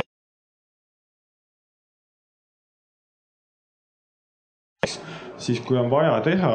ja kuskil on mingi tahe olemas, siis minnakse nendest nagu hooga läbi. et, et tegelikult suuri süsteemseid riske üsna tihti nagu kinni ei pea ja see seitsekümmend viis protsenti ühte asja, aga tegelikult on ja ega ma pakun, et enamus inimesed seda ei tea faktina, et sa aimad ja kuskil on tunne, aga, aga noh, sa lähed edasi jah, ja, ja siinkohal tuleb kahetsusväärselt tuua välja seda, et praegult on äh, üleriiklikult teht-, tegemas üldplaneeringuid ja seal just nimelt rohekoridorid lastakse, lastakse üle. see on see teema, mida ma olen oma kolleegidelt, äh, planeerijatelt kuulnud, et kui on kaevandus äh, versus versus rohekoridor, siis, siis surutakse kaevandust, et, et, et, et ei tule isegi seda kompromissi, nii et, et meil on nagu jällegi vaja nagu väga selgelt mõelda seda, et, et miks neid kaevandusi on vaja ja miks meil seda rohekoridori on vaja, et, et, et neid näiteid Neid väga halbu näiteid on äh, väga paljudes äh, ja siin ma julgen sõna öelda, väga paljudes kohalikes omavalitsustes, et alustame Tallinnast, Viimsist ja nii edasi, et kus, kus äh, rohekoridorid on ära lõigatud, kus nad, kus nad viivad tupikusse ja, ja kus on ikkagi probleemid nüüd juba liikide tasandil. Ja see on inimeste enda tööl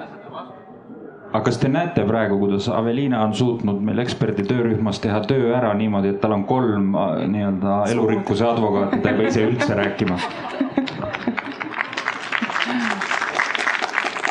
ma selle elurikkuse kohta tegelikult küsiks, ma mäletan äh, kuskil äh, neli aastat tagasi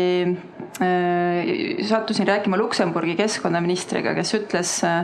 ütles selliselt, et äh, varasemalt ka ütleme Luksemburgi valitsuses mitte keegi ei kuulanud, kui rääkisid loodusest, äh, keskkonnast, see oli prioriteetide listis kuskil allpool. ja kõik muutus sellest hetkest, kui äh, suudeti keskkonnakahju või nii-öelda keskkonnapoliitika taha tuua numbrid et kui sa tood ta numbriliselt väljendad, eks ole, seda kahju, millest me ilma jääme, siis on see palju nagu arusaadavam, eks. et ma ütlen ka, et Aveliina too äkki üks sihuke hea näide, et kui, kui ma ütlen, et ökosüsteemi teenused, räägitakse kogu aeg, ökosüsteemi teenuseid ei tohi siin äh,, ei tohi äh,, ei tohi äh, pihta saada, need peavad äh, toimima, sellepärast et muidu tuleb kunstlikult midagi sarnast asemele ehitada. ma ei küsi su käest numbreid, aga ütleme, et too üks näide, et noh, et kui näiteks, kui mingisugune ökosüsteemi teenus saab kannatada, et noh, mis siis selle asemel peab ehitama kunstlikult, et kui sa oskad sellise praktilise näite tuua, et me kõik, kõik saame aru ja need ökosüsteemi teenused või natuke parema nimega looduse hüved äh, on, on siis need nähtused, äh, tänu millele meil see keskkond sellisena toimibki, nagu me teda nautida tahame ja üleüldse nautida saame. Et, et osad neist on reguleerivad hüved ja reguleerivad ongi need, mis, mis maailma toimima panevad, näiteks ainering, et see, et meil üleüldse, ma ei tea, kompost äh, tekib, hunasüda ära laguneb või, või puu, puu, mis metsas maha kukub, äh, tekib muld, et toimuvad vee, veeringed, et nendele on ka pandud rahanumbreid külge ja mis, mis teeb selle äh, kummaliseks mõneti, on see, et need rahanumbrid on väga suured. Need on meeletud ja mõneti see, see suur number omakorda äh, on viinud äh, mõnedes kohtades, kus neid on siis täpsemalt välja arvat-, arvutatud hoopiski selleni, et issand, see nüüd küll on nii suur, et paneme üldse kõrvale, ärme, ärme üldse jälle vaata. et, et ühesõnaga, mida siin Kristi tahtis öelda ja mida mina siis proovin siin ümber sõnastada, on see, et loodusel on äh, suur majanduslik mõju, väärtus, tahame öelda seda, võime öelda väärtus, aga, aga nii või teisiti on ta eh, siseneb meie majandustesse ja mõjutab seda, kas me tahame seda näha või me ei taha seda näha. ja meist on igatahes täna targem ja, ja kuna me oleme looduse viinud sellisesse oma toimimise koha pealt sellistesse juba väga küsitavatesse, küsitavasse seisu, et kas ikkagi kõik need hüved, mida me vajame, on ikkagi päriselt niimoodi toimivad, nagu me neid vajame täna ja veel kümne ja kahekümne ja võib-olla ka saja aasta pärast ehk et kas, kas nad on ikkagi jätkusuutlikult äh, peetud, et, et seda küsimust me peame endalt tõsiselt küsima ja sellega me peame lihtsalt hakkama arvestama. Äh, no veel looduse hüvedest, võib-olla käegakatsutavatest on, on, no toome kasvõi näite siis meie metsadest, et kus, kus on väga selge või üleüldse Euroopa metsadest, maailma metsadest, kus on väga selge seos selle vahel, et kuivõrd Äh, vastupidavad äh, näiteks erinevatele haiguspuhangutele, aga ka kliimamuutustest tulenevatele erinevatele põuapõudadele, ekstreemsustele. Äh, mida vast-, mida liigi rohkemad, mida paremini toimivad ökosüsteemid nad on, kus iga komponent on olemas, kes sinna on ajalooliselt kujunenud, on see rähn, on, on erinevad metsa, ma ei tea, puuseened, on, on erinevad Eh, mullaseened on, eh, on samblikud, samblad, eh, soontaimed, erinevad puud, põõsad. Mida rohkem neid on sellele elupaigale iseloomulikult, seda vastupidavam see mets on, seda kindlam ta on, seda, seda rohkem suudab ta ootamatustele vastu panna ja seda paremini suudab ta tagada kõiki neid hüvesid, mida me tegelikult siis ka looduselt ootame ja mida me kangesti vajame. Et, et üks selline näide, seetõttu näiteks on noh, miks, miks me oleme olnud häälekalt vastu just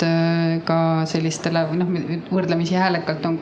olnud kosta seda just äh, sihukeste nii-öelda monokultuuride mittesallimist ongi seetõttu, et need on tegelikult kõige ohustatumad ja, ja nendega me ei lähe lihtsalt turvaliselt tulevikule vastu. nii et elurikkus ja loodus on, on ka meie majandusvaldkondades ja selles, kus me tahame ise olla püsivad, kestlikud, jätkusuutlikud, tulevikku äh, kindlustavad, äh, väga oluline. põllumajandus on teine selline valdkond, põllumulla viljakus pole midagi muud kui looduse toimetamine mullas. ja, ja see kõik on äh, niivõrd tihedalt seotud, et ja täna me nagu, meil on sihuke äge Bentley, eks ole, mootor on töötanud, oleme teda ikka üsna usinalt haamriga peksnud väga hea, tahtsingi just üles kutsuda, tahaks elurikkuse plokile tõmmata joone alla, et me saame ühe ploki veel katta ja kutsun üles küsimusi küsima, et siin ees esimene küsimus. mikrofon tuleb ka et pigem jah, küsimus Kristile on ju, et kuna igalt poolt tuleb järjest välja seda, et kord omavalitsuste trahvi ja siis riik teeb kuskil uue karjääri ja millal riik teeb selle otsuse lõpuks, et teeme rohelisema Eesti siis ja hakkame seda rohepööret tegema ja võtame selle vastutuse? Ehm, praegu on, ma ütleks, meil väga hea eh, olukord, meil on olemas valitsus, kes to toetab rohelisemat Eestit. Eh, väga palju olenebki sellest, et mis prioriteedi valitsus eh, valitsus on selgelt välja öelnud ja ka oma koalitsioonileppes kirja pannud. aga aga ütleme, et seda rohepööret ei tee ju läbi ühe koalitsiooni, eks ju, et äh, rohepööret tuleb teha läbi äh, mitmete, äh, mitmete koalitsioonide, nii et need kokkulepped, mida tehakse, oleksid nii-öelda justkui ühiskondlikud kokkulepped, mille nimel siis töötatakse. ja, ja nüüd ma pla-, plaanisin seda lõpus küll mainida, aga ma mainin selle juba kohe ikkagi ära, et sügavalt tunnen muret ja seisan selle eest, et need, need ettepanekud, mida ekspertrühm tegi, et need jõuaksid sügisel eh, hiljemalt ka valitsuse lauale ja, ja kokkulepeteni, et mis need on need konkreetsed sammud, mis me siis lähiaastatel ära teeme selleks, et oluliselt mingisuguses valdkonnas asju rohelisemalt teha. aga kuidas nüüd selles püramiidis see asi võiks hakata nagu kiiremini nagu selles mõttes liikuma, et kuna võtame kasvõi Eesti Energia või ega nemad ka rohelisemat ehitada ei taha. või Enefit on ju, et neil ei ole seda visiooni, need, kes inimesed seal töötavad, et neil on täitsa ükskõik, selles mõttes madalaim hind on põhikriteerium. aga see, kui me tahame teinekord rohelisemat ehitada, tähendab, et me peame kuskil midagi rohkem võib-olla maksma või tegema, nende jaoks see võib-olla täna üldse prioriteet või siis kohalik omavalitsus on ju samamoodi, et ei näe neid asju rohelisemalt, et ma täiesti tunnistan, et mingil hetkel ma istun ka oma kabinetis, mõtlen, et issand jumal, see rohepööre on lihtsalt võimatu selles mõttes, et ta eeldab kümne tuhande erineva arvamuse vähemalt arvestamist. üks ei taha ja teine ei oska ja, ja siis ei ole raha. et kuidas me sellest kogu sellest nii-öelda kompotist siis midagi tegelikult tehtud saame. mis ma küll Rohetiigri kiituseks tahan öelda, et Rohetiiger, neil on õnnestunud väga hästi enda juurde koondada need ettevõtjad, kes, kes mõtlevad teistmoodi, kes tahavad asju teistmoodi teha ja tihtipeale on ka just need ettevõtjad, kes loovad ka suurt lisandväärtust äh, majanduses tervikuna. loomulikult on ka neid, kes veel niimoodi ei mõtle, et noh, ütleme, et kui kui ähm, ütleme, Põhjamaade riigid, äh, seal toimetavad ettevõtjad juba mõtlevad nii, okei okay,, et ma pean oma ettevõtmise juba rohelisemaks tegema, sellepärast et ma tahan ju oma pojale või tütrele ka anda edasi firma, millega ta saab tulu teenida, eks ju, ja kui sa tahad seda firmat edasi anda, see tähendab, et ta peabki olema juba tulevikumajandust arvestav ettevõte. aga meil võib-olla seda arusaama ei ole kõikides ettevõtetes, sellega ma olen nagu täiesti nõus, aga, aga ma arvan, et siin on ettevõtjaid, kes oskavad seda paremini, paremini isegi kommenteerida. raporti koostajad nõuavad kvartaalset aruannet, et mis erinevate ettepanekutega, mis faasis on. et ei ole ühesuunaline töö. õige õige, väga hea. meie oleme nii palju aega sinna sisse pannud, et nüüd me tahame näha, et riik paneb ka oma aja ja, ja, ja raha sinna sisse, et, et ega, ega see on ainuke viis, et me tahame seiret väga õige, ma ennem nägin siin ka ühte ministrit et siis ka, äh, et äh, võtame selle endaga kaasa, ja. ma sellele kohe vastaks sellele ühe kommentaari veel, et aga, aga ma arvan, et siin tegelikult on väga oluline võti ka selles, et, et noh, täitsa vale on oodata, mida riik äh, Äh, ära teeks, et see, mida ma ennem püüdsin öelda, et sama vale on oodata, mida siis need Eesti mõistes suured, aga maailma mõistes väiksed üksikud ettevõtted ära teeks, et et nii rohepööret ära ei teeks. igaühest see, selle tegemine hakkab ja see, kui kohalik omavalitsus, ma olen täiesti nõus, ka minu kodu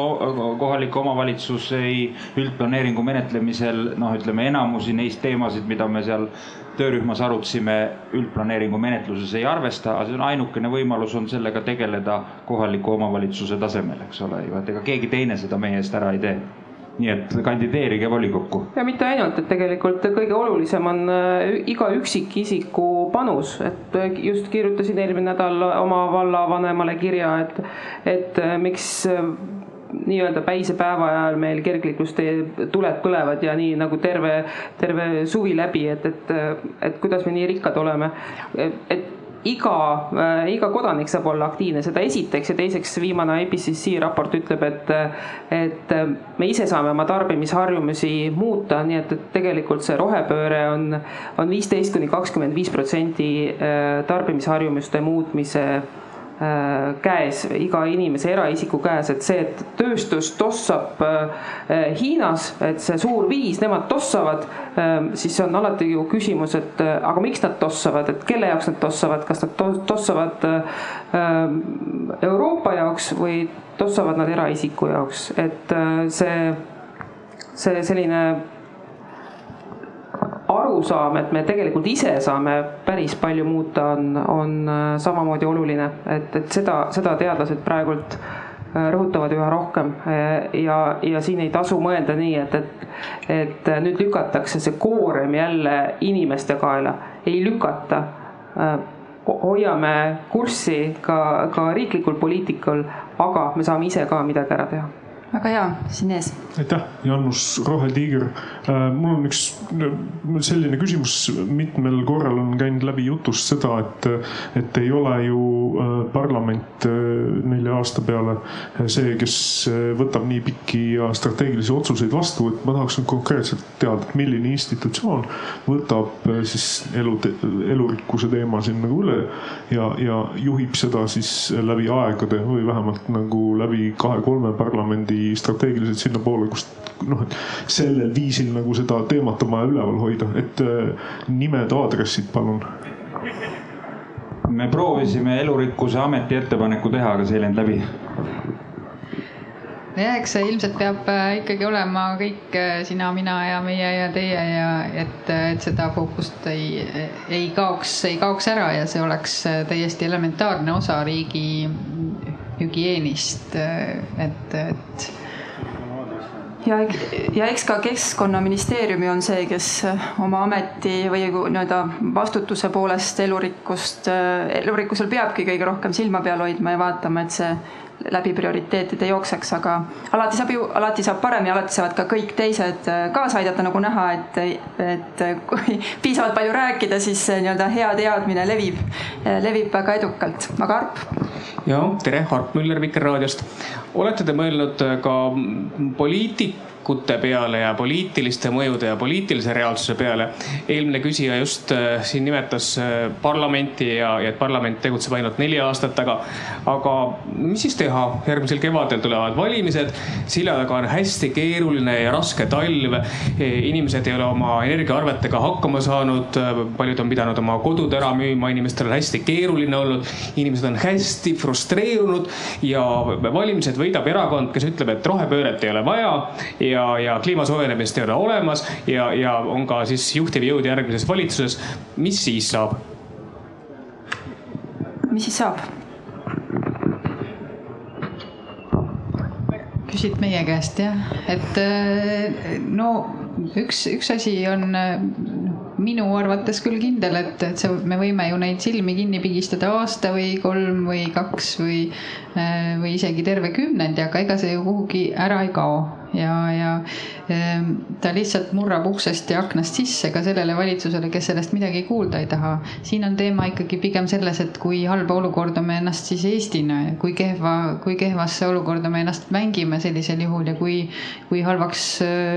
või kui äh, ebausaldusväärseks partneriks me sellel äh, suurel väljakutsete teel siis oleme, et ma kuulasin ka seda poliitikute diskussiooni äh, siin kella kahe paiku ja, ja oleks tahtnud neilt küsida sellise küsimuse, et seal Helen küsis neilt, et, et millisena te teate, et milliseks muutub kliima aastal kaks tuhat viiskümmend või milline on Eesti kliima ja, ja olemine aastal kaks tuhat viiskümmend. Aga, aga samamoodi tegelikult iga Eesti poliitik peaks endalt küsima, et milline on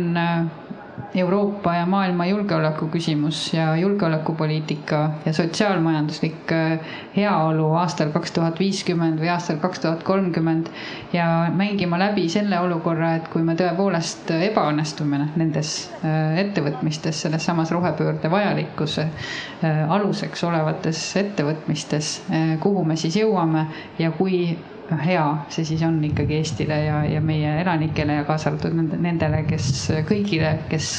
kellel siis ei ole enam küsimus võib-olla selles, et, et kui kallis on elekter, vaid et kas meil üldse sellist kodu on just Eestis. nii. ja vastus Arbile, et eh, siis oleme kõik aktiivsed kodanikud. ega muud üle ei jää. Eh, võitja teeb oma tegusid. Eh, kui ühiskonnale see ei meeldi, siis kodanikkond peab äh, oma aktiivsust rohkem üles näitama. olgem ausad, täna on meie kodanikkond äh, Fridays for Future noored, kes käivad reedeti äh, protesteerimas. Ähm, rohkem oleks vaja võib-olla seda, seda kodanikuaktiivsust näidata kohaliku omavalitsuse tasandil kaasa rääkides näiteks. et see on see, kuidas me kõik ise saame panustada selleks, et sihukest asja ei juhtuks ma võib-olla äh, tekkis ka viimasel hetkel, et see on natuke sihuke nagu loogikakontroll, et ma ei taha väga jälle majandusse minna, aga, aga kuna tihti need erakonnad, äh, ütleme valimiskampaaniates äh, räägivad majandusest ja viivad seda sellisele tasemele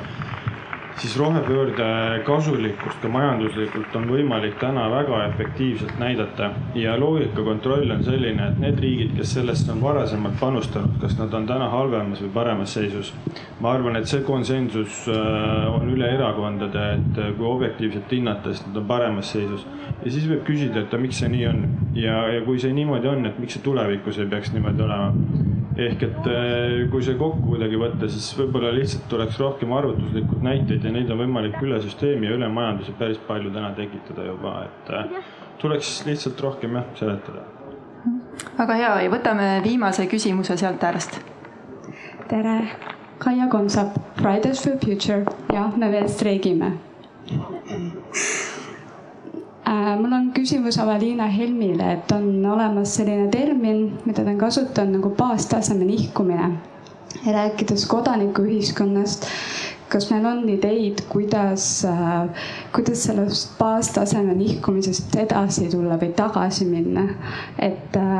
kuidas me suudame nagu mäletada või tajuda, et milline elurikkus võiks olla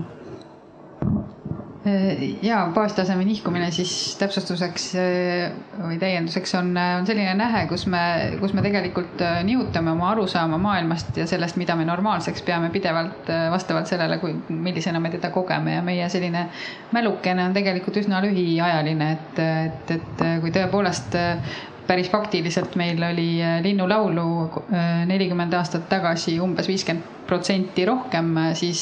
siis me seda täna äh, ei oska kuidagi meenutada ega ka konteksti panna ja oleme rahul üsna hästi sellega, mille, milliseks me praegu oleme kujunenud see baastaseme nihkumine on looduskaitselised, aga tegelikult see on ka majanduses eh, oluline termin, see on eh, paljudes valdkondades selline, sellega peab arvestama. ja ta, ja ta teeb looduskaitse just selle võrra raskemaks, et inimesed ei, ei oska ka taga nutta või igatseda seda, mida ei mäleta ja ei oska hinnata õnneks äh, saab seda baastaset nihutada ka teises suunas äh, just läbi selle, et kasvõi võtame selle, mida me oleme teinud linnades või vähemalt mida me püüame teha linnades. et, äh, et seesama trend, et linnad on hästi steriilsed ja loodusest puhtad, on, on ju tekitanud meie lastele selliselt baastaseme, et, et loodus on midagi, mis on kaugel ja meie sellega igapäevaselt kokku ei puutu. nüüd puhta jõuga või läbi teadmiste või läbi sellise, mitte puhta jõuga, vaid nagu, et teadlikult sellele lähenedes, et läbi, läbi teadmise, et, et looduse lähedus on oluline nii vaimsele, füüsilisele tervisele kui ka linna eh, kvaliteedile, linnaruumi kvaliteedile. Eh, läbi selle tuues linna loodust tagasi või kasvõi bussipeatustesse, kooliõuedesse liblikad lendama eh, või putukad bensiinijaama. läbi selle me nihutame taas seda baastaset selles suunas, et me peame normaalseks seda, et meie ümber on teised liigid nii et see on täitsa meie enda kätes. jah, ja siis on küsimus, kes on meie, et, et kas teadlased või, või keda siis, keda siis kuulama meie hakata? meie kõik jah, et meie kõik, et, et, et just, et, et kuidas see hääl äh, kostma hakkab, et see on, ma arvan, see, see põhiküsimus, sest äh, ma tean, meie aeg hakkab otsa saama, aga ma pean lihtsalt selle näite tooma, et, et käisin äh, eelmine aasta Äh, Fred Jüssiga Kadrioru pargis, kus ta ütles, et tal on lindistused kolmekümne aasta tagusest ajast ja neljakümne aasta tagusest ajast. ta ütles, et äh, neid linde, kes siis olid siin, enam ei laula. ja, ja kui ma seda ütlesin, siis äh, Kadrioru pargi valitsejale, siis ta ütleb, ah vana mees ei kuule. et noh, et mida mida siis me usume ja mida me ei usu ja keda me usume ja keda me ei usu, et, et, et kes on see meie? Tõmbame siin kokku Ehm, me oleme natukene läinud juba üle aja, aga Madis juba ütles ehm, ühe hea asja mulle kodutööks kaasa, et, et mis, mis, mis te mulle siin nagu soovitate, et mis nüüd sügisel tegema peaks, et eh, selle ma panin kirja, et eh, raport eh, kord kvartalis, mida me ära teinud oleme, mida me ära teinud ei ole, kirjas. mis veel? Ehm, ma arvan, et sa võiks juurutada ma ütlen just sina võiks juurutada, sest muidu läheb niisuguseks umbisikuliseks, juurutada sellise testi, et iga eelnõu, mis kooskõlastusringil käib, peab saama rohepöörde testist vähemalt niisuguse noh, ütleme niisuguse no helekollase tule, ütleme nii, parem kui rohelise, aga, aga mõte selles, et, et mõjude hinnangus oleks tegelikult nagu nii lühike, keskmine kui pikk vaade sees, sest noh, mulle tundub, et tihtilugu ka, ka esimesel pilgul nagu head mõtted Äh, selles testis võivad läbi kukkuda, sest, sest nad annavad nagu halva tulemuse. noh, ma enne juba tõin näite, et ühelt poolt äh, energiakriisis on arusaadav, et, et stabiilsuse tekitamiseks oleks vaja fikseerida elektri hind, aga teiselt poolt äh, pärast seda neile inimestele tarbimise tarka juhtimist ei ole ju mõtet rääkida, eks ole ju, et, et selle tõttu igal mündil on nagu, nagu kaks poolt. kirjas just sulle tuleb anda ülesandeid, ohohoo, ma ei taha neid koormaid laduda, aga eh, mul on tunne, et päris palju on eh, meile riigi toimimises ka selliseid eh, vastuolulisi mehhanisme, et ühe käega teeme nagu ühte ja räägime ühte, teise käega siis samal ajal arendame teist valdkonda, kus, kus, mis on kui hakkad sisse vaatama, siis täielik absoluutses vastuolus, eks ole, need on nii rahastusskeemide osas kui ka, kui ka lihtsalt ütleme sellise seadusandluse kujundamise osas, et et kui, kui tekiks mingisugune võimalus screen ida või, või, või neid vastuolusid ära tunda ja tõepoolest punasega blinkima panna, kus, kus kasvõi siinsamas rohepoliitika või sellesamas raporti eesotsas on, on loetletud, et millele ta peab siis vastama, mis need, mis need on kriteeriumid, aga et, et lisaks ka need, need vastuolud, et üks ütleb ühte ja, ja teine seadus ütleb teist või, või eelnõu, et need ikkagi päris, päriselt siis saaksid teoks. Ja, ja et äh, kõik võtaksid ikkagi tõsiselt, kasvõi seesama, jälle tuleme nende teede juurde tagasi, et kui, kui ikkagi sisuline vajadus näitab, et meil võiks ikkagi seda hoopiski nagu koomale tõmmata ja mõelda nagu natuke teistmoodi, säästlikumas võtmes, siis, äh, siis äkki, äkki ei ole selliseid äh, erinev, valdkondi, kus me, kus me lihtsalt nagu seda üldsuundumust ignoreerime või, või, või täielikult selja keerame ja elame mingit oma elu, et kõik oleks hästi integreeritud. no see oli nüüd päris palju, vaid mm -hmm. vabandust. aga kirjas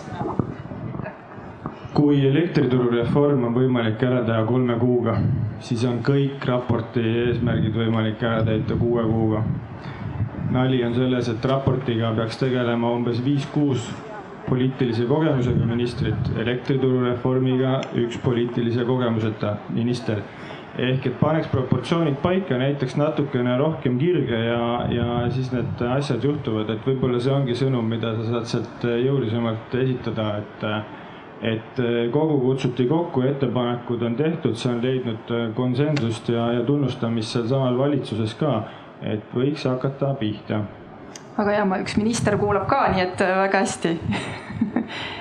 ja Helen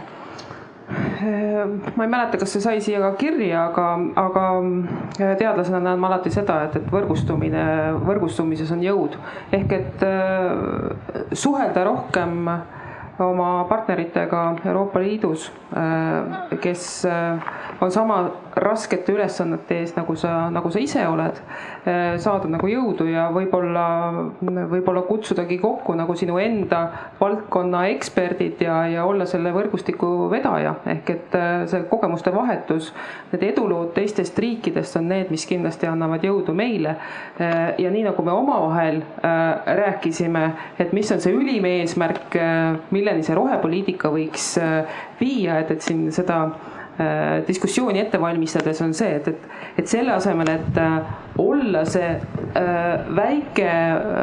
väike õnnetu ohver Äh, nii nagu Martti ütles, võiks olla me hoopiski äh, väike, väga suur kangelane. et Eesti võiks ju mõelda ennast kui, kui eeskujuriigina, mitte sellena, et, et me kogu aeg saame,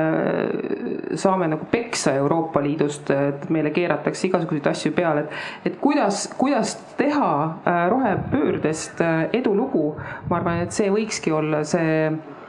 see ülim eesmärk, mille poole sina püüdled, meie aitame kaasa. väga head lõpusõnad, südamlik tänu meie panelistidele ekspertidele. ja suur tänu publikule. kasutage võimalust pausi ajal, sest meil on äh, ka Eva Truuberg siin, kes oli samamoodi ekspertrühma liige ja meil on Tõnis Harjus siin, kes oli ekspertrühma, rühma liige. nii et äh, kasutage pausi ajal võimalust, äh, küsige veel ja kell kuus tulge tagasi Yeah. Jah, tahtsin teha ka lõppu reklaamipausi, kõigepealt aitäh vestlusringis osalejatele, hästi huvitav oli kuulata. ja Kristi, sulle tõesti kogu südamest jõudu tööle ja, ja kui vaja, siis aitame.